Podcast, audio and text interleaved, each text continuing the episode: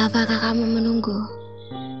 Berharap orang yang tepat untuk datang ke dalam hidupmu dan membuat kamu merasa dicintai seperti apa yang selalu kamu inginkan. Jika demikian, lalu apa yang kamu lakukan untuk mempersiapkan diri untuk cinta seperti itu?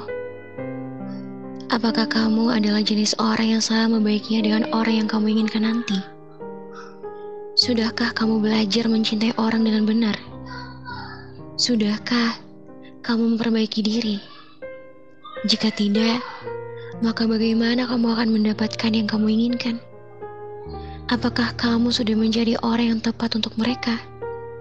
Atau kamu menunggu orang lain untuk membuat kamu menjadi orang yang lebih baik lagi?